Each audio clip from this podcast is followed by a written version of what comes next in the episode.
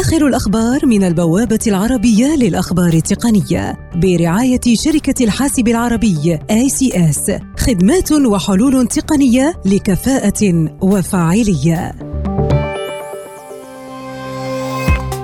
سامسونج تؤجل حفل إطلاق هاتفها الذكي القابل للطي من إنتاجها جالكسي فولد لأسباب متعلقة بالمكان وليس لأنه غير مستعد لدخول السوق وفقا لموقع سام موبايل.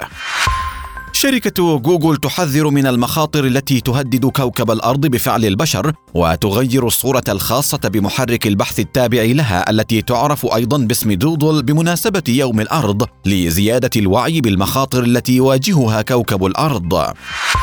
كاسبرسكي لاب تقول إن 37% من مستخدمي الإنترنت في منطقة الشرق الأوسط وتركيا وإفريقيا و32% منهم في الإمارات يجهلون طريقة تأمين خصوصيتهم ما يؤدي ليأسهم تجاه أي محاولات للحفاظ على خصوصيتهم على الإنترنت.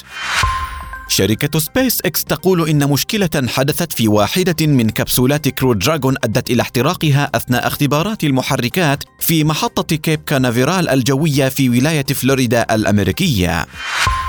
فريق الذكاء الاصطناعي التابع لشركة فيسبوك يطور تقنية جديدة باسم Vid2Play تستخرج شخصيات يمكن التلاعب بها من مقاطع الفيديو لأشخاص حقيقيين وذلك بهدف تطوير الألعاب من خلال إعادة إنشاء تلك الشخصيات والتحكم فيها.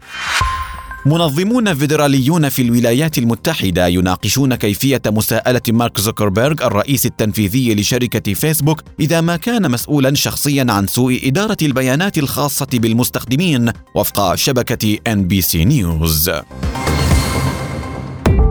آخر الأخبار من البوابة العربية للأخبار التقنية برعاية شركة الحاسب العربي ACS خدمات وحلول تقنية لكفاءة وفاعلية لمزيد من تفاصيل هذه الأخبار وأخبار عديدة يمكنكم زيارة موقع البوابة على شبكة الإنترنت aitnews.com